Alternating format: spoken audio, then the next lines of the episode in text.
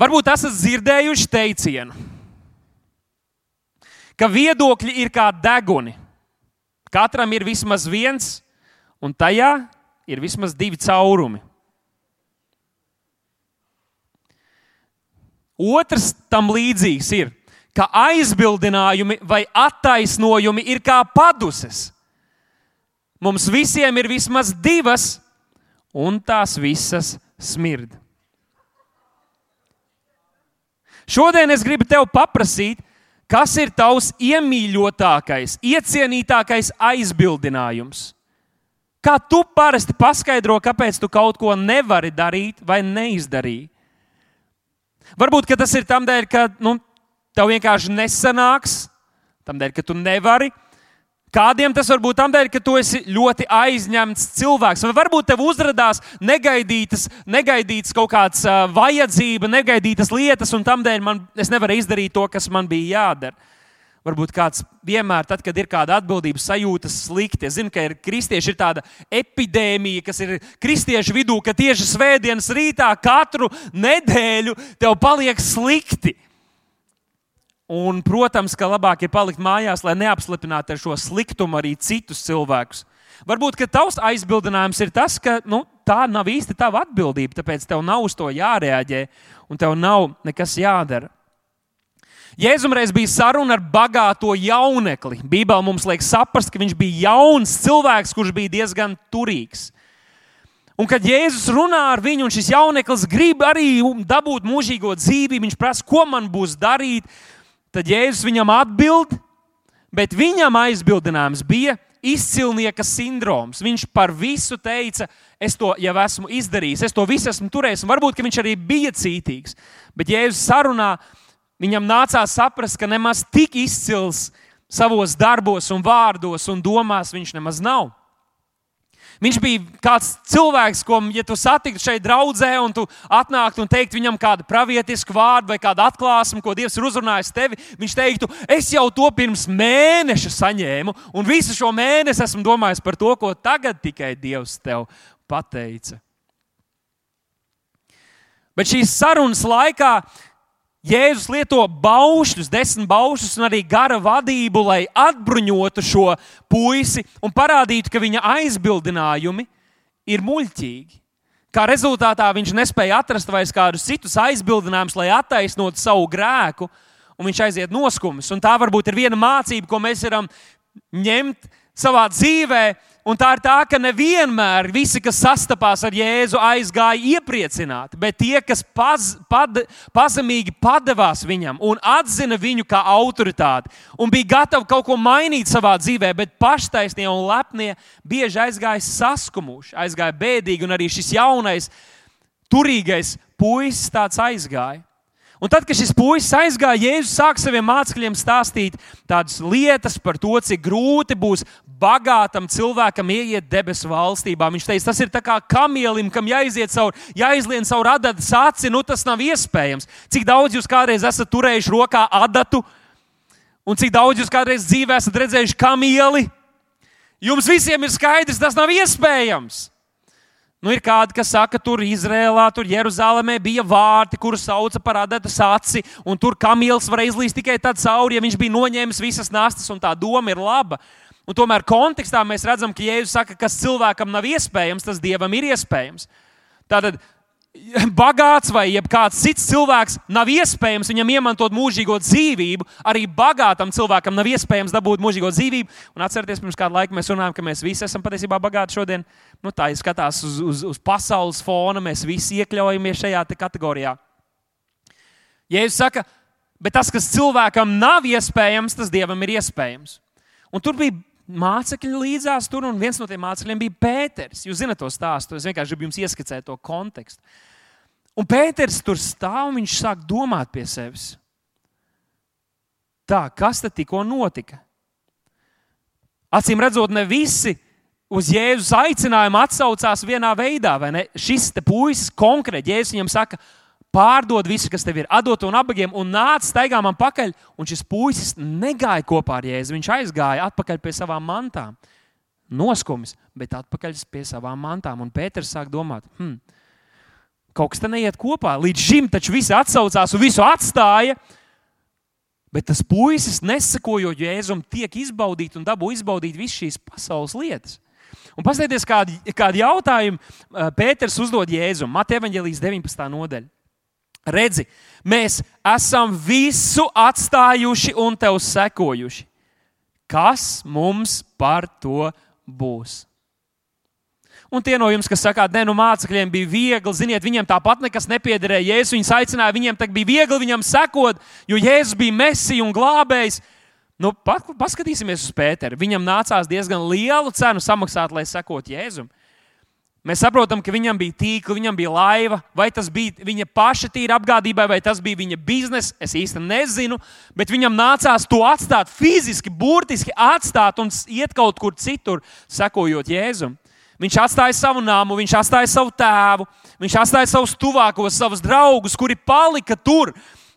Turpinot zvejot, viņš to visu atstāja, savu drošību, savu komfortu, lai sekot Jēzum, lai dotos nezināmajā. Un ļaujiet man pateikt, arī mēs, kas esam izvēlējušies sekot Jēzum, tā vai citādāk mūsu dzīve izskatās, un tai vajadzētu izskatīties līdzīgi. Un Pēters tā domā, es visu atstāju, seko Jēzum, kas man par to būs? Šodien es gribētu tieši parunāt par šo tēmu. Kas mums būs par to, ka esam izvēlējušies sekot Jēzum? Kā esam atsaukušies šim skaistajam aicinājumam? Jo no vienas puses, protams, jā, nu, ja pats Dievs tevi aicina, ko tu teiksi? Nē, ja dievišķu aicinājumu tu sadzirdi savā dzīvē, tu nevari atteikt. Un, Un, ja tu zini un tici, ka Jēzus ir Mēsija, kur jau gadu tūkstošiem jūs tautā esat gaidījuši, nu kā lai tu viņam atteiktu? Bet no otras puses, cilvēcīgi mēs gribam zināt, nu, kāda īstenībā ir jēga, kas mūs sagaida, ko mēs no tā iegūsim. Un interesanti, ka šajā gadījumā nu, varētu domāt, ka Jēzus nu, tā reliģiski kārtīgi varēja viņu norāt un teikt, kas tie pa jautājumiem, Pēteri? Vai tu nezini, kas es esmu? Kā tu uzdrīksties man prasīt? Es esmu laimīgs, ka es tevi aicināju. Cik daudziem es esmu pagājis garām, tev ir iespēja man sekot. Es tev dāvāšu mūžīgo dzīvību. Nē, nē, Jēzus tā nereaģēja. Patiesībā arī kādās citās raksturvietās mēs redzam, piemēram, vairākās vietās Bībelē var redzēt, ka mācekļi, kas seko Jēzum, viņi sāka tur ķildoties, strīdēties. Kurš no mums ir lielākais? Man liekas, ka tas uh, Dārvids tur tāds baigais. Nē, Walters, nē, tur Arvils. Tas man liekas, ka viņš ir pirmais. Es esmu, ka viņš ir pirmais puisis ciemā. Un, ziniet, tā tāda, nu, tāda puisīga, ja, tāda bravūrīga cīnīšanās, cīkstēšanās. Un, kad Jēzus uzzina, ka viņš šīs lietas runā, Jēzus viņus nenobar. Jēzus viņiem nepārmet. Bet ko viņš dara? Viņš viņiem paskaidro, kā kļūt par pirmo puisi ciemā. Ziniet, ko es no tā mācos? Nav muļķīgi jautājumi. Muļķīgi ir neprasīt. Kādreiz mēs, kristieši, mēs cīnāmies ar kaut kādām šaubām, ar jautājumiem, un mēs hup, norijam, un tikai lai neviens neuzzina, ka man ir tāds jautājums. Bet muļķīgi ir tas, ka tu nepaprasti, jo, ja tu paprasītu, Jēzus tev atbildētu, tu gribi būt pirmais, esi pēdējais, esi sulēns, esi visu kalps. Viņš paņem noliek bērniņu priekšā un saka, kļūstiet kā šis bērniņš. Nav muļķīgi jautājumi, muļķīgi ir neprasīt.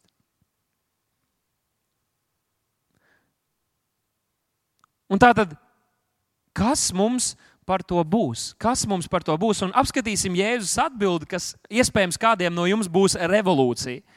Jo viņš tiešām atbild pavisam skaidri. Marka evanģēlīja 10. nodaļā mēs lasām 29. pantā. Jēzus saka, patiesi es jums saku. Ko būtu svarīgi saprast Bībeles kontekstā, ka tad, kad Jēzus saka vārdus patiesi, kādreiz viņš pat saka patiesi, patiesi, un tas ir ļoti svarīgi.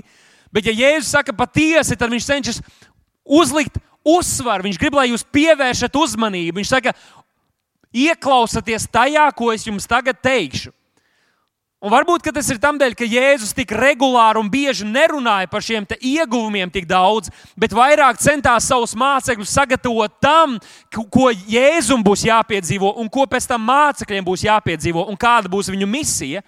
Bet šajā vietā Jēzus mums atklās ļoti nozīmīgu atklāsmi par to, ko mēs esam ieguvuši un ko mēs iegūsim. Un viņš saka, esiet uzmanīgi un klausieties manī tagad.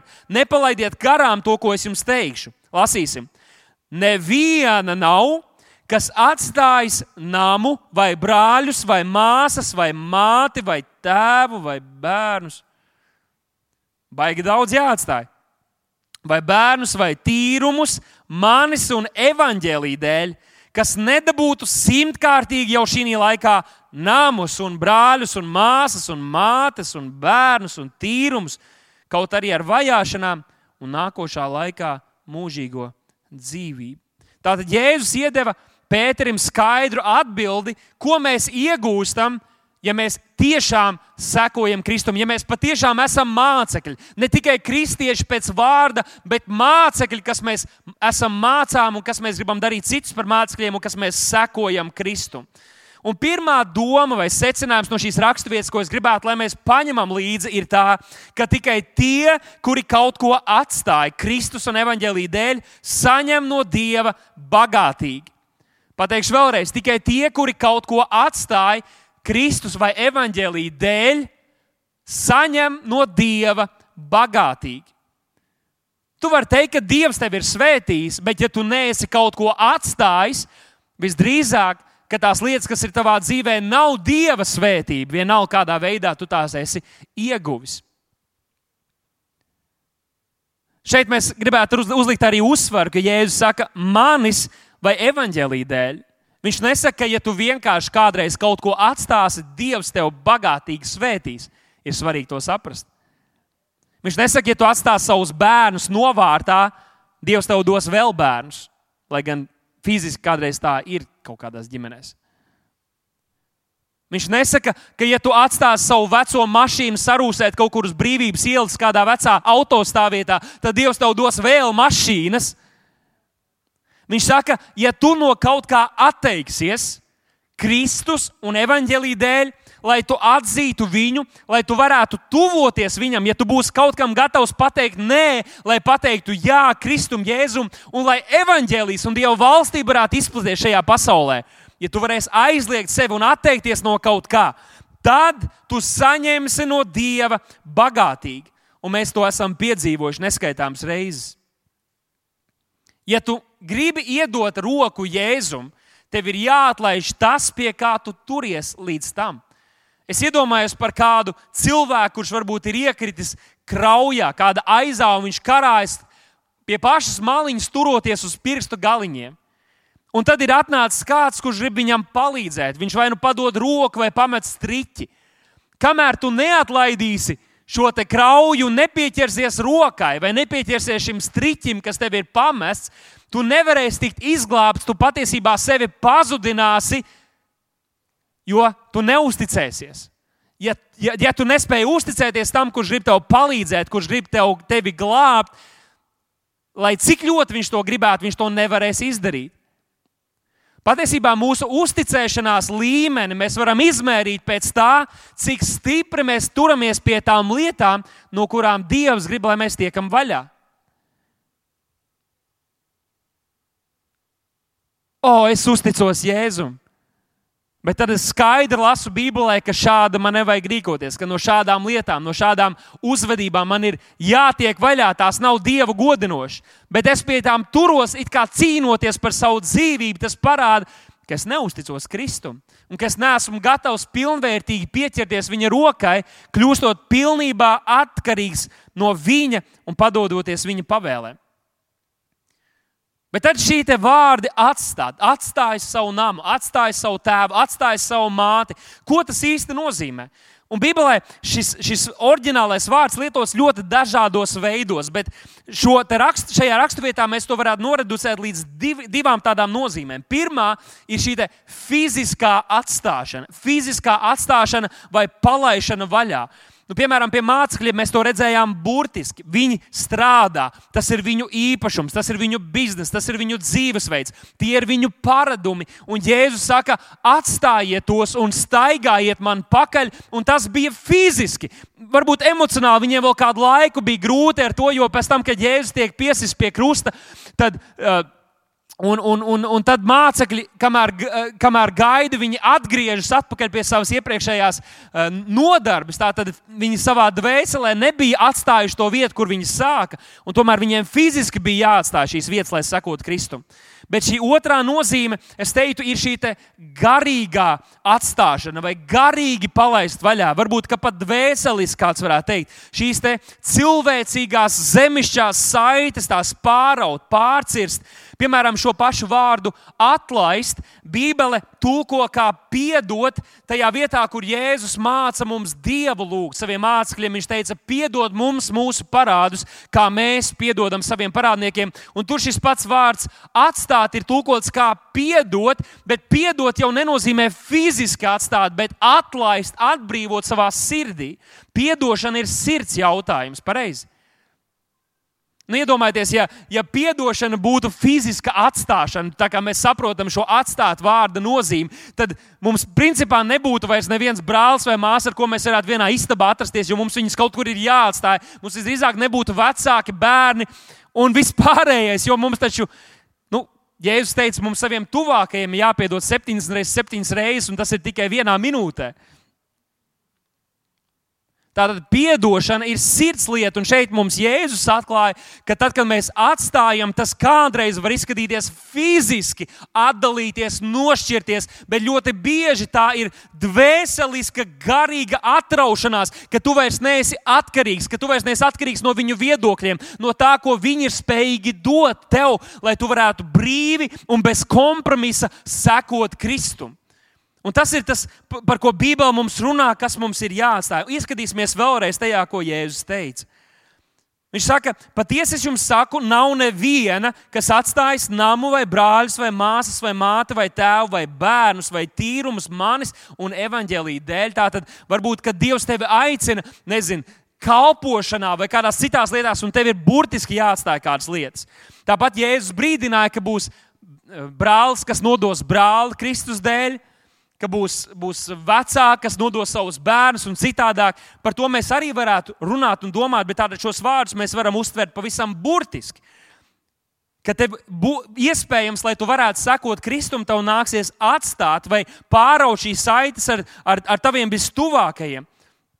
Bet tāpat mēs varam paskatīties, ko šie vārdi varētu nozīmēt drusku plašāk. Piemēram, atstāt savu namu. Tas runā par, par tavu drošības vidi, par tavu komforta vidi, kur tu jūties labi un ērti. Tā vieta, kur tu tā varbūt arī kā kristietis savā dzīves ceļā un mācības ceļā. Nu, brāļu māsas, manuprāt, varētu runāt arī par nu, tiem tuvākiem cilvēkiem, ar, ar ko tu esi aizvadījis, daudz ko piedzīvojis, kuri ir tev gan arī, vai varbūt ne fiziski, bet, bet kā, kā brāļi, kā māsas, tavas dzīves pieredzē, un varbūt, ka tev nāksies, vai varbūt, ka Dievs pat uh, viņus atšķirs no tevis, lai tev palīdzētu celties un sakot Kristum. Māte, tēvs, Tas varētu runāt par kādiem cilvēkiem, kas ir tevi cēluši, kas ir aprūpējuši, kas ir apgādājuši, varbūt apmācījuši tevi, uz kuriem tu esi skatījies kā mentoriem, tiem, kas tev ir mācījuši dzīves gudrības, bet tomēr, kad tev ir jāizvēlas, vai tu seko Kristum, tad tev ir jā, kaut kāda veida saite un saiknes ir jāpārauj ar šādiem cilvēkiem, lai gan, protams, vēl aizvien cienot un vēloties arī viņus mantot. Nu, bērni, es domāju, ka varētu runāt par mūsu panākumiem, par mūsu veiksmēm, par izdošanos. Tur, tas, kas mums šķiet, ka mums ir sanācis. Tīrums, iespējams, ir tavs darbs, tava karjera, kur tu iepriekš esi bijis ļoti tam visam pieķēries un ļoti tajā visā iekšā, bet tagad tām prioritātēm ir jāmainās. Un ja iepriekš Jēzus, runājot ar bagāto jaunekli, runāja par mantu atstāšanu, kas mācekļiem bija viegli saprotama, tad tagad viņš jau reāli pieķērās arī attiecībām attiecībām, kas mums ir ar dzīviem cilvēkiem. Un interesanti, pagājušajā dievkalpojumā mācītājs pieskārās šīm viesībām, kuras kungs rīkoja savam dēlam, un dēla kāzās, un tad tur tika aicināti viesi, un neviens no šiem viesiem neieradās. Kādēļ viņi neieradās? Jo 14. nodaļā, Lūkas evanģēlī 18. pantā mēs lasām, bet tie visi pēc kārtas sāka aizbildināties. Atcerieties, aizbildinājumi ir kā padusis. Tie visi sāka aizbildināties. Un ko tad viņi teica? Viens teica, es esmu nopircis tīrumu, es esmu uzsācis biznesu iegādājies kaut ko. Es nevaru tagad doties, jo man ir vajadzīgs apskatīt šīs lietas. Kāds teica, esmu iegādājies vēršus, ar kuru es varēšu ļoti lielas lietas panākt, un iz, ietekmēt, un izmainīt un nopelnīt. Un kāds saka, es esmu sieva tikko apņēmis, es nevaru doties uz šīm viesībām. Kāda ir mūsu aizbildinājuma, kāpēc mēs nevaram paklausīt šeit un tagad? Kāds ir tavs aizbildinājums, kāpēc tad, kad Dieva vārds atskan tavā dzīvē, ka tu to dzirdi un sadzirdi, ka tu to neuztver personīgi, bet uzskati, ka tas attiecas uz kādu, kas sēž tev blakus? Kāda ir tava aizbildinājuma, kāpēc tu saki, nu varbūt nākamgad, bet šogad es vēl gribu turpināt tā? Visiem šiem bija aizbildinājumi, un tādēļ, ka viņiem bija aizbildinājumi, kurus mēs jau no bērnības iemācāmies turēt un izmantot, lai sevi druskuļi pasargātu un rīkoties tā, kā mēs gribam paši. Nu, klasika, vai ne? Suns apēda mājas darbu. Šie aizbildinājumi mums dod viltus drošības sajūtu un var mūs pazudināt. Nu, es tā iedomājos. Es zinu, ka tas nav īsti bibliskais konteksts, bet nu, iedomāsimies, ka tagad šajā dievkalpojumā atveras šeit debesis, jumts paceļās. Un pats Dievs, reņģeļu pulku un visiem svētiem atnāk un saka, nu tā, draudzene, es esmu atnācis jums pakaļ, dodamies! Cik daudz būtu prieka pārņemt? Un pirms tu atbildi, padomā, Cik daudz būtu prieka pārņemt, vai kāda teiktu, pagaidi, bet es vēl nepaspēju Netflixā noskatīties to seriālu. Visu vakar, na, vakardienu, visu šo nakti skatījos, tagad knapi var palikt nomodā, bet es vēl nepabeidzu. Kāds cits teikt, bet es tikko nopirku jauno autiņu. Kāds cits teikt, bet man mēs tikko apprecējāmies, mums vēl medus mēnesis nav bijis. Kāds cits teikt, bet kā ar maniem bērniem, kur tad ir tavi bērni, kāpēc viņi nav šeit? Mums katra, cik daudziem varētu būt kaut kāda aizbildinājuma, kur tu sāk domāt, Jā, bet ir vēl tik daudz, kas, ko es gribu izbaudīt šajā pasaulē. Nenāc vēl Jēzu! Vēl nē, pagaidi vēl drusciņi, man vēl tik daudz, kas ir vajadzīgs. Un skatoties uz šiem stāstiem, skatoties uz šiem viesiem, kas noraidīšu uzaicinājumu, mēs varam tā viegli prātīgi teikt, redz, kā viņi. Bet atceramies, paskatīsimies uz sevi un pārbaudīsim, vai mēs paši neesam kaut ko sajaukuši. Drusiņi tālāk, 26. pantā Jēzus saka, ja kāds nāk pie manis un neienīst savu tēvu un mātu, un at, mēs jau tagad zinām, ka šeit viņš saka, ja kāds nemīl mazāk tos, salīdzinām ar to, kā viņš mīl Dievu, ja kāds nemīl mazāk savu tēvu, savu māti, savu sievu, savus bērnus, savus brāļus un māsas un pat savu pašu dzīvību, tas nevar būt mans māceklis. Kāpēc Jēzus pieķērās attiecībām? Tas ir visdārgākais mums. To pat cilvēki pasaulē zina pateikt, ka visas lietas nu, arī ir pār, pārējošas, pārējošas. Bet tās attiecības, tie draugi, tie mirkļi, ko mēs kopīgi piedzīvojam. Bet Jēzus pilnīgi tā kā viņš būtu kungs. Viņš ienāk mūsu dzīvē un saka, arī šajā tavā dzīves aspektā es noteikšu lietas. Iedomājieties, ka tad, kad tu pieņem Kristu par savu kungu un tu dzīvo viņā, tad nav iti nekas, ko tu vari darīt ārpus viņa. Tavas attiecības ar taviem kolēģiem, tavs hobijs, tav, tavas attiecības ar taviem kaimiņiem, ar tavu dzīves draugu. Tu nevari izkāpt ārpus Kristus un tās veidot, jo tas ir bīstami. Tikai Kristu un caur Kristu. Ja tev izveidojas attiecības ar kaimiņiem, kurus tu gribi vest pie Kristus, slava Dievam, tas būs caur Kristu un par tām attiecībām būs svētība. Nevis tāpēc, ka mēs vienkārši labi saprotamies, mums ir līdzīgi hobiji un draudzīgi. Nē, nē, nē. Kristus ir pārņēmis visu mūsu dzīvi, jo Viņš ir kungs un mēs esam viņā. Tādēļ viss, ko mēs baudām un darām, ir caur viņu. Kāpēc Viņš pieķers mūsu tuvākajiem? Tādēļ, ka arī mūsu tuvākie var kļūt par traucēkli, lai mēs varētu nodoties Kristum un garīgi pieaugt. Arī tuvākie var kļūt par traucēkli, par šķērsli. Un mēs jau esam Bībelē redzējuši kādus piemērus, nu, bet iedomāsimies, ka tu esi jauns cilvēks un tu vēlies sekot Kristum. Bet tavā skolā ir kaut kāda meitene, kas ir ārkārtīgi simpātiska. Nu, tā kā mana sieva, ja, bet ne visiem tā paveicās. Ārkārtīgi skaista. Un viņai ir humora izjūta, un, un viņai ir visādi talanti, un viņa ir populāra. Un viss, vis, vis, ko tu vien gribētu, kā. Ja? Ne visi grib, lai viņa būtu populāra, bet vienalga. Un kaut kādā brīnumainā veidā viņai ir iepaticies tu. Tu pilnīgi nesaproti, kā, kādā veidā. Bet tu zini, ka viņa nebīstās Dievu, ka viņa dzīvo pasaulīgi, ka viņa, ka viņa negrasās un nav pat tuvu, lai pateiktu savu jā Kristum. Viņa vairāk grib pateikt jā tev. Cik liels ir kārdinājums jaunam puisim, kurš varbūt nav pilnībā nodevies Kristum, iemainīt šo mūžības dāvanu un vērtību, lai iegūtu šo īslaicīgo prieku, ko pasaule var dot. Un padomāsim par vecākiem, kas tik ārkārtīgi mīl savus bērnus un grib viņiem dot visu, kas viņiem pašiem nebija. Ka ir gatavi piepildīt viņu dzīves ar priekiem un tām svētībām, bet laupot viņiem personīgas attiecības ar saviem bērniem, tuvību ar saviem bērniem. Un nenododot ticības mantojumu, jo laiks un viss ir piepildīts ar visu, ko, ka tev tā arī neatliek laika iedot to, kas patiesībā ir vērtīgākais un dārgākais. Ja mēs sajaucam prioritātes un, un rīkojamies veidā, ka mūsu bērni mums ir svarīgāki par Dievu, ka mēs mīlam viņus vairāk par Dievu un par Dieva vārdu, tad mēs varam savus bērnus pazudināt. Varbūt tavs darbs un tava karjera nozīmē tik daudz, ka tu esi gatavs pār līķiem kāpt un ziedot pilnīgi visu, lai tikai uzkāptu augstāk. Un varbūt, nu jā, tu tur to desmito sūti draudzē, un tas mierina tavu dvēseli, bet visu pārējo tu esi pilnībā atstājis novārtā un nepadodies Dieva vārdam.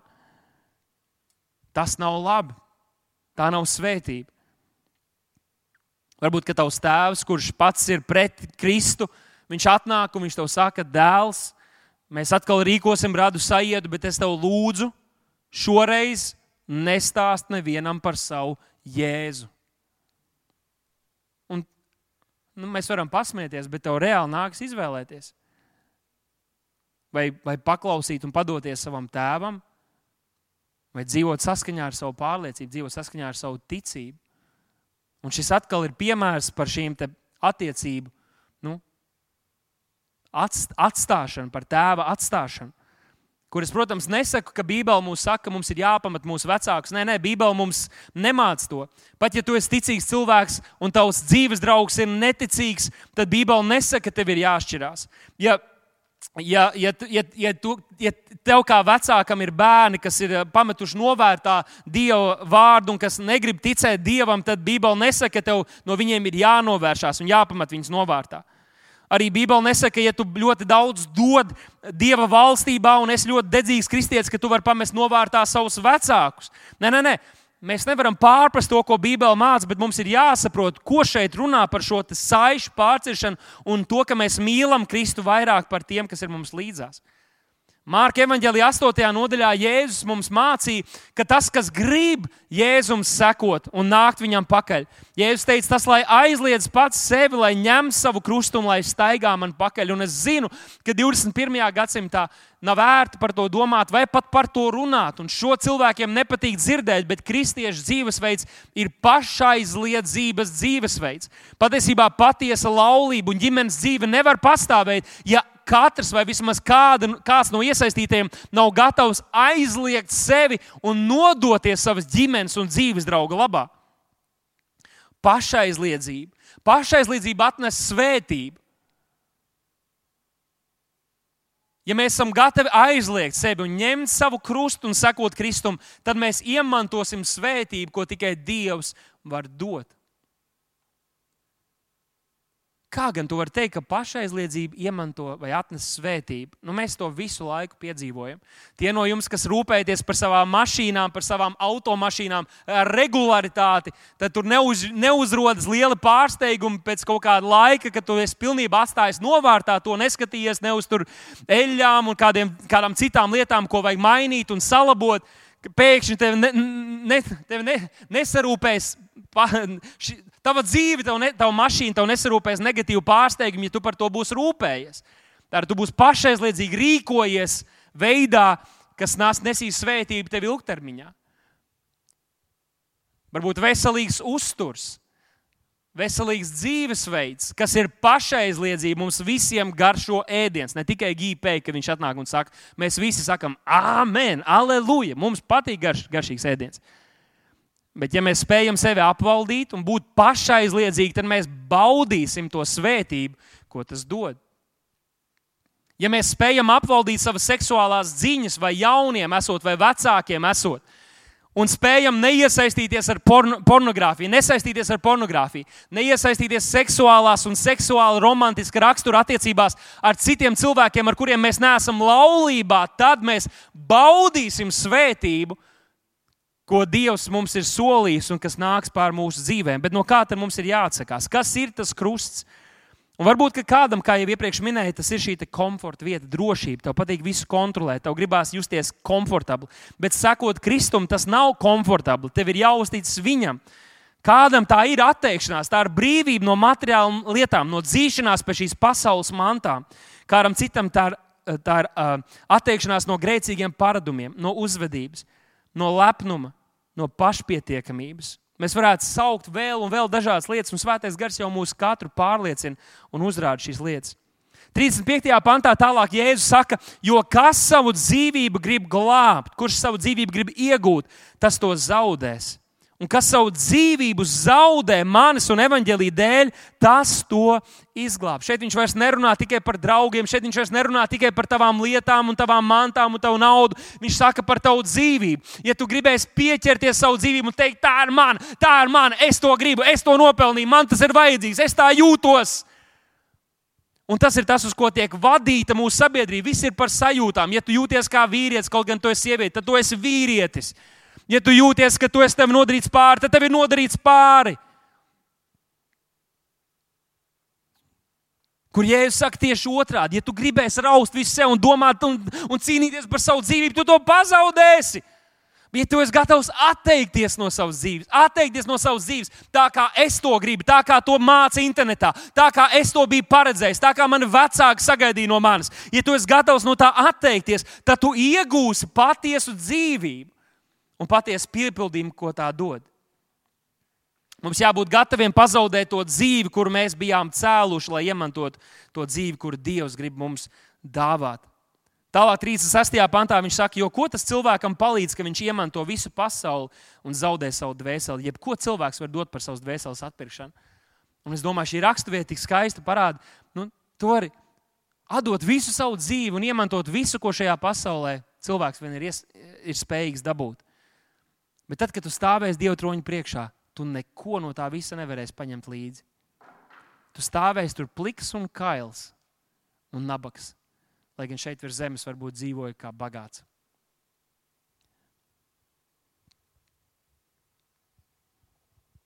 Ko tad mēs esam dabūjuši? Apskatīsim vēlreiz, ko Jēzus teica 30. pantā.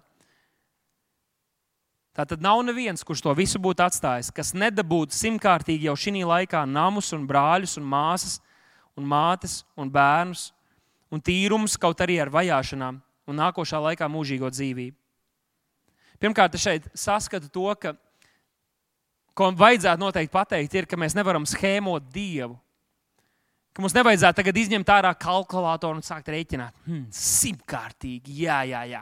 Es tagad iedošu simts, dabūšu atpakaļ tūkstots, jā, dabūšu atpakaļ desmit tūkstoši. Es tagad atteikšos no tā, un man uzreiz būs tik daudz visa kā. Nē, nē, nē. nē. Tā piemetamā daļa ir piemetamā daļa. Par to ir Dievs atbildīgs. Un es nedomāju arī, ka šeit ir burtiski teikts, ka visu tu dabūsi simtreiz vairāk to, no kā tu atteiksies vai ko tu atstās.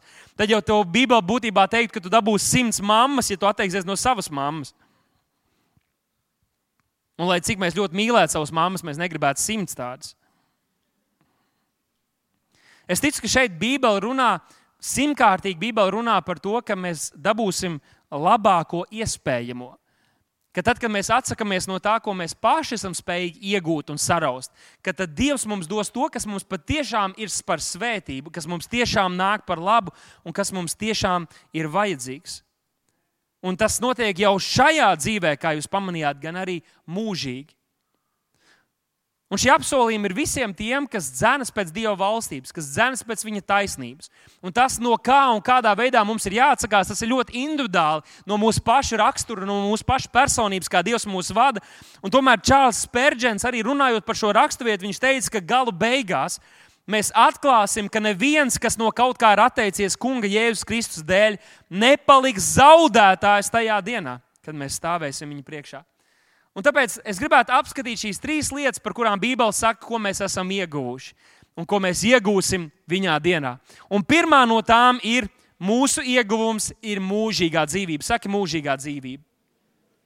Un tā ir šī patiesība, ka tad, kad mūsu īsā dzīve beigsies, kad mūsu īsā dzīve beigsies un šis laiks paies, Nu, kādam tas ir daudz laika, kādam tas ir mazāk laika, ka pēc tam mēs turpināsim dzīvot, turpināsim baudīt Dieva svēto sadraudzību, jo Dievs mums ir dāvājis mūžīgo dzīvību. Un jūs zināt, ka mūžīgā dzīvība mums jau ir šeit virs zemes, un tā ir atzīt Kristu un viņa augšām celšanās spēku. Atzīt to, kas Kristu ir sūtījis.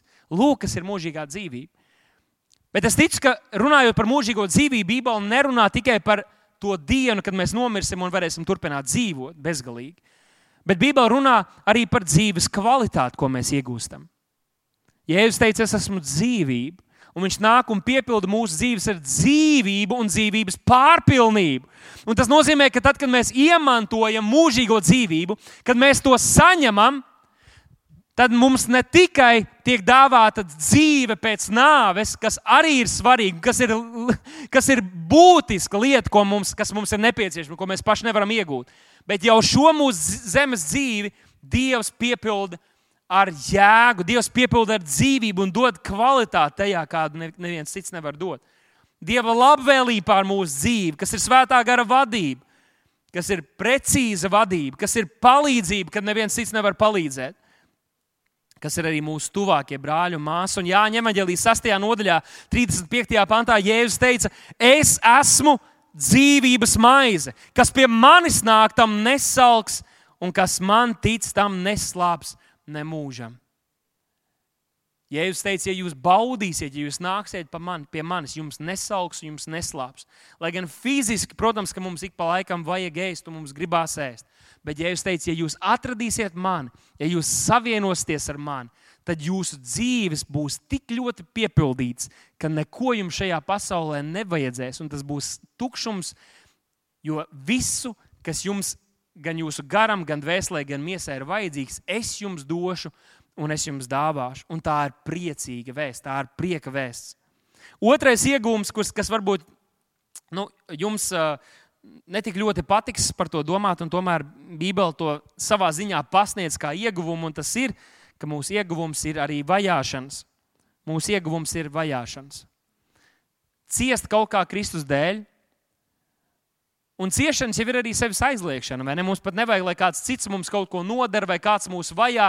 Ja mēs sekosim Kristum, tad mūsu dzīvē būs šīs ciešanas par mūsu miesu, sevis aizliekšanu, ko mēs mīsīgi gribētu darīt, bet mēs to atsakāmies darīt, jo mēs sekojam Kristum. Bet arī vajāšanas. Varbūt kāds no jums tas pārsteigs, bet ticīgi, Kristum ticīgi cilvēki ir vajātākā grupa vēl aizvien pasaulē. Ja mēs skatāmies kopā uz visu pasaules fonu, visām valstīm un, un kontinentiem, tad tieši kristieši ir tie, kas saskars vis, visvairāk vajāšanām dažādos veidos. Un tā, tā ir milzīga svētība un privilēģija, ka mēs varam dzīvot zemē un laikā, kad mēs burtiski nemaksājam ne ar savām dzīvībām, ne ar savu veselību par to. Un tomēr kaut kādas vajāšanas Bībelē mums apsola, ka tie, kas dievbijīgi grib dzīvot, tie tiks vajāti, tie saskarsies ar vajāšanām. Un, piemēram, šī raksturvieta Tur būtībā varētu saprast, ka ir arī vajāšanas, kuras mēs piedzīvojam, tāpēc, ka mēs esam svētīti. Un tā tās iespējams var nākt arī no reliģiskiem cilvēkiem, kas saka, hei, kāpēc tev tāda mašīna? Bet viņi jau nezina, cik daudz tu dod. Viņi nezina, cik daudz, cik kādu tu cenu esi maksājis un cik ļoti tavs sirds ir Dieva valstībā. Un tas, ka tev pašam arī ir, kāds par to var dusmoties un tev pārmest, jo nesaprast Dieva valstības lietas. Arī tādas vajāšanas var notikt, un tādas vajāšanas var mūs piemeklēt. Bet vajāšanas arī var būt svētība. Un patiesībā Bībele saka, ka tā ir svētība vai mūsu ieguvums. Piemēram, 1. pētera vēstulē, 4. nodaļā, Pēters saka, bet ja kas cieš, kristietis būdams, lai netur to par kaunu, bet pagodina Dievu ar šo vārdu. Jau agrīnās draudzes laikā mēs redzam, ka apstuļi, kuriem bija privilēģija atdot savas dzīvības par Kristu un evaņģēlīju dēļ, viņi uz to raudzījās kā uz pagodinājumu, godu un balvu. Un arī mums 21. gadsimtā gribam to atzīt vai nē, patiesiem Kristus sekotājiem un kalpiem, ciest negodu, ciest apsmieklu, ciest kaut kādas vajo, vajāšanas, ne, nevis mūsu muļķības dēļ, bet Kristus un evaņģēlīja dēļ. Tas ir mūsu gods. Tā ir balva, tā ir svētība.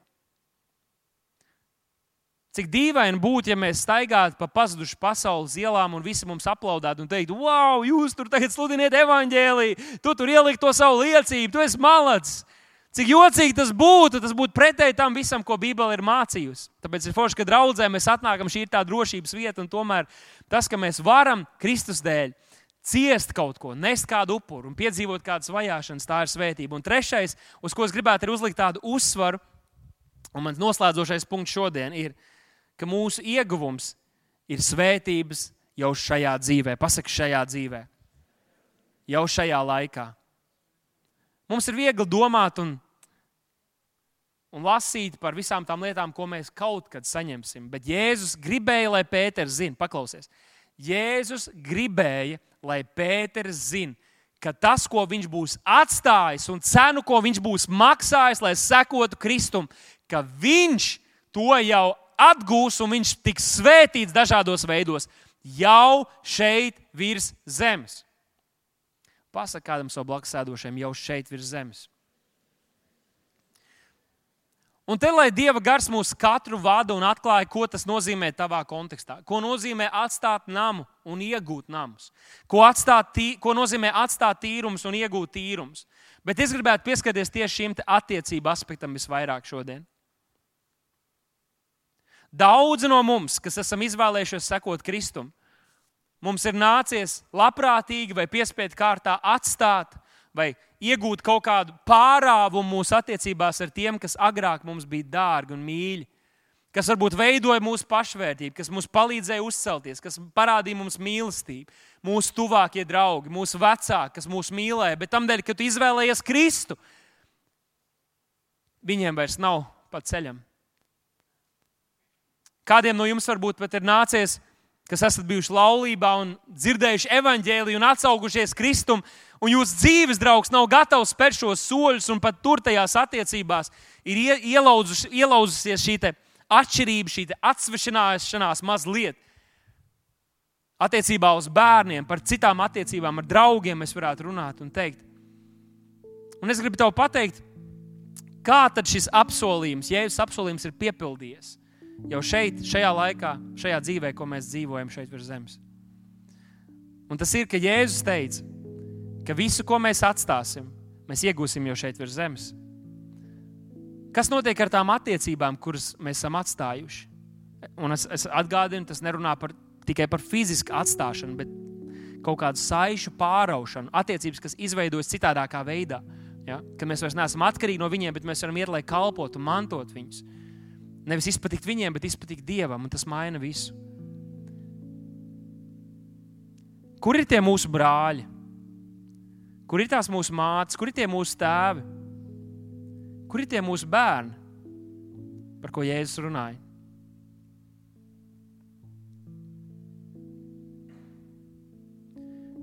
Varbūt mūsu vidū ir vispār cilvēki, kas ir uzauguši bez vecākiem. Tev nekad nav bijis, lai tu viņus varētu atstāt. Tev, tev nebija tēvs. Tev nebija mamma. Mūsu vidū ir pāri, kuriem nu, nav, nav bērnu, kuri nav, nav bijuši spējīgi tikt pie bērniņa. Ir kādi, kas ir mūsu draugi, kuriem nekad nav bijuši tādi tuvākie draugi, kas būtu kā brāļi, ar ko tu būtu dalījies dzīvē un daudz ko piedzīvojis. Un jebkurā brīdī varētu viņiem pazvanīt un pateikt, hei, man tur ir grūti, nāc, atbrauc man palīdzīgā. Mēs varētu vēl runāt un stāstīt par šīm attiecībām, kādas varbūt nekad nav bijušas, vai kuras esam pazaudējuši savā ziņā. Un no vienas puses tās ir bēdas un skumjas. Bet, ja jūs sakat, jūs tās atgūsiet, jūs tās dabūsiet, Ja Kristus dēļ jūs tās būsiet zaudējuši, jūs tās dabūsiet jau simtkārtīgi šeit atpakaļ. Vislabākajā iespējamajā veidā.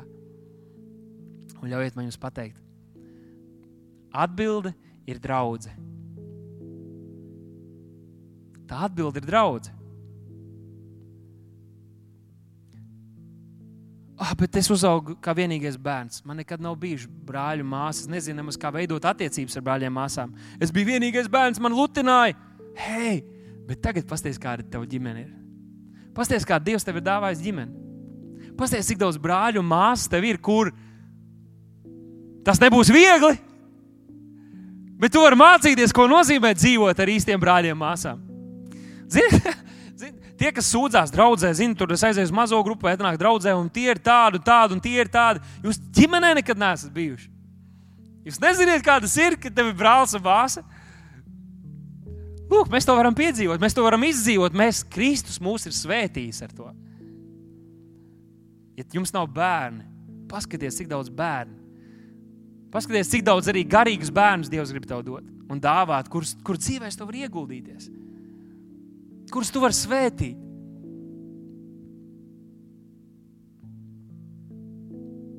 Jūs domājat līdzi?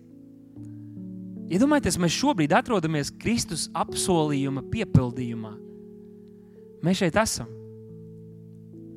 Ah, bet man nekad nav bijuši draugi. Bet Dievs tev grib dot draugus. Lūk, lūk kur ir tavi draugi. Tu esi atstājis, tu esi kaut ko pazaudījis Kristus dēļ, bet Kristus tevi ir ie, iedzemdinājis, ielicis šajā draudzē lai tevi svētītu. Un patiesībā pat vēl vairāk par šo draugu. Es esmu bijis dažādās vietās pasaulē, un tur visur ir ticīgie, kur tu vari aiziet, un es jūtos kā mājās. Es jūtos kā pie saviem brāļiem un māsām, jo mums ir viens kungs un viena miesa - Kristu Jēzu. Pāvils, kuram nebija ne sievas, ne bērni, viņš raksta savā vēstulēs, un viņš sūta sveicienus no tādiem un tādiem un tādiem cilvēkiem, Viņš sūta sveicienu tur tādām sievietēm un tādiem puišiem, un viņš kādu sauc par saviem brāļiem, viņš kādu sauc par saviem dēliem. Ne jau fiziski viņiem tie bija, bet viņš dzīvoja šajā draudzes realitātē. Viņš baudīja šīs attiecības, un es šodien gribu iedrošināt tevi. Ja nu mēs esam tā svētīti, tad iesaistīsimies, ieguldīsimies, baudīsim to, ko Kristus ir dāvājis. Kolosiešiem 3.16 rakstīts, Kristus vārds, lai bagātīgi mājo jūsos un pamācājiet, paskubiniet citu citu. Visā gudrībā ar psalmiem, himnām, garīgām dziesmām, žēlastībā dziedādām savā sirdīs Dievam. Un ļaujiet man jums pateikt, ka Kristus miesa darbojas Mēs esam dažādi locekļi, bet viena miesa, un Kristus miesa funkcionē un tā darbojas, un mēs nevienmēr to dzirdam šeit no platformas. Un par to pat nevajag tā runāt. Es vienkārši gribu iedrošināt, lai mēs katrs pildām šo savu daļu un esam, un nebaidamies kļūt kādam par māti, kļūt kādam par tēvu, būt kāds bērns, kurš grib uh, pa, paņemt kādu, pievest Kristumu un kļūt. Nu, pieņemt, ka tev ir kāds garīgs bērns, kuram palīdzēt piecelties. Kļūt kādam par brāli un māsu, kuru ne vienkārši tu pazīsti, jūs tiekaties draudzē, bet ar kuriem jūs dalāties dzīvē. Šī ir tā vieta, un es iedrošinu jūs. Jo mūsu vietā jau daudzi tādi ir, un jūs esat noteikti baudījuši to svētību, kas no tā ir. pirms kādiem dievkalpojumiem, kā, pirms kādām nedēļām dievkalpojumam man sanāca saruna ar, ar kādu māsu mūsu draugai Un mēs runājām par, par to, kā nu, Dievs ieliek sirdī, pieiet pie kāda, vai ne, pajautāt, un tur izveidojas saikni, un tev iespēja kalpot un izveidot attiecības. Un tad viņi par kādu māsu draudzē teica, ka, ka, ka tā māsa draudzē darbojas kā partizāns. Tā kā neobligāti visi par to zina, bet tur ir tikšanās ar kādiem cilvēkiem, ar senioriem, ar jauniem. Nu, da, da, dažād, dažādas lietas, kas tiek īstenotas, kas nav prožektoru gaismā visiem parādīts, un tomēr kas tiek darītas. Un man ļoti patīk šī doma, un es zinu, ka ir ļoti daudz cilvēku, kas ir bijuši svētīti caur tieši šo kalpošanu, kas tiek veikta pirms pēc dievkalpojuma, pa nedēļu satiekoties, kalpojot, lūdzot. Tāpat arī tas lietas, kuras mēs organizējam, kā draugs, arī tās ir par svētību. Nu, piemēram, mazās grupas. Pirms kāda laika man bija iespēja parunāt ar brāli mūsu draugai, kurš teica, ka tad, kad viņš ienāca ienāca šajā draudzē, viņš bija stipri nu, alkohola atkarības varā. Un tad, kad viņš bija atnācis uz draugu, es viņu uzaicināju uz mazo grupu savu. Bet tad, kad viņš tajā dienā nāca, lai ierastos uz mazo grupu, viņš nejauši iegāja citā mazajā grupā. Un toreiz es mazliet pārdzīvoju. Bet paklausieties, izrādās, ka viņš aizgāja uz mazo grupu, kura bija tieši viņam.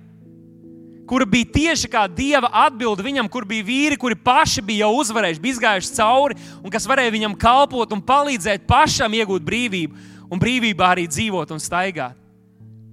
Un tas, kas man toreiz likās kā tāda nejaušība, kļūda, patiesībā tā bija svētā gara darbība. Lai katrs saņemtu savu kalpošanu, kas katram vajadzīgs. Un tagad šis vīrs kalpo citiem un kalpo arī jums. Es domāju, cik Dievs ir labs. Viņš mums ir ielicis šajā Kristus miesā, lai mēs varētu baudīt šīs attiecības, ko Dievs mums dod, un es iedrošinu jūs to darīt.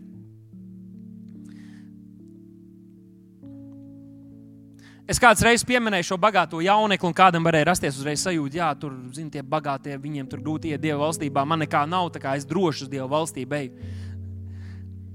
Es gribu jums parādīt lietu, kas, kas vakar vakarā man atnāca kā atklāsme. Un es to nodošu jums, lai gan tas ir kaut kas svaigs man, bet tas ļoti man stiprināja. Un pastieties, bagātais jauneklis pazudināja savu dvēseli tās mantas dēļ, kas viņam bija. Bet jūda nodevējs pazudināja savu dvēseli tās mantas dēļ, kas viņam nebija. Runa nav par to, vai tev ir, vai tev nav, bet ko tu ar to dari un kāda ir tava attieksme pret to. Vai tavs sirds ir piesiet šīm lietām, tāpēc Bībele saka, tur, kur ir tava manta, tur būs arī tavs sirds. Kam ir piesiet tavs sirds? Par to ir jautājums. Un tad mēs paskatāmies evanģēlijos caķei, kurš bija maza auguma, bet Bībelē viņu sauc, ka tas bija bagāts vīrs, viņš bija muitnieks. Un tad, kad viņš satiekās ar Jēzu, varētu domāt, ka viņam Jēzus varēja teikt, pārdod visu un atdod nabagiem. Bet viņš satiekās ar Jēzu, viņš ir tik iespaidots. Un viņš Jēzum saka, tad, kad Jēzus ienāk viņa namā, ienāk viņa dzīvē, viņš saka Jēzum, Jēzu, es gribu atdot pusi no savas mantas, pārdot, atdot to visu nabagiem. Un, ja es esmu kādam izspiedis kaut ko, un kādam ir kaut kas pret mani, es gribu astoņkārtīgi, četrkārtīgi atdot viņam. Viņš arī bija bagāts, bet viņa sirds nebija piesieta mantai. Viņa sirds tika piesieta Kristum. Un līdz ar to vispārējais kļuva par instrumentu, par rīku, ko viņš var lietot, lai kalpotu citiem. Un tāpēc šodien es draugs jums gribu atgādināt, ka māceklības cena ir ļoti augsta. Ja tu patiešām izvēlēsies sekot Kristum, tev būs jāmaksā dārga cena. Tu vari piedzīvot arī ciešanas un vajāšanas. Bet balva, ko mēs par to saņemam, ir nesalīdzināma pārāka. Un tāpēc šodien es gribu tev atgādināt un teikt, nebaidies uzdot jautājumus, ir vērts sekot Jēzum, un tava balva ir un būs liela. Tāpēc sekosim Jēzum.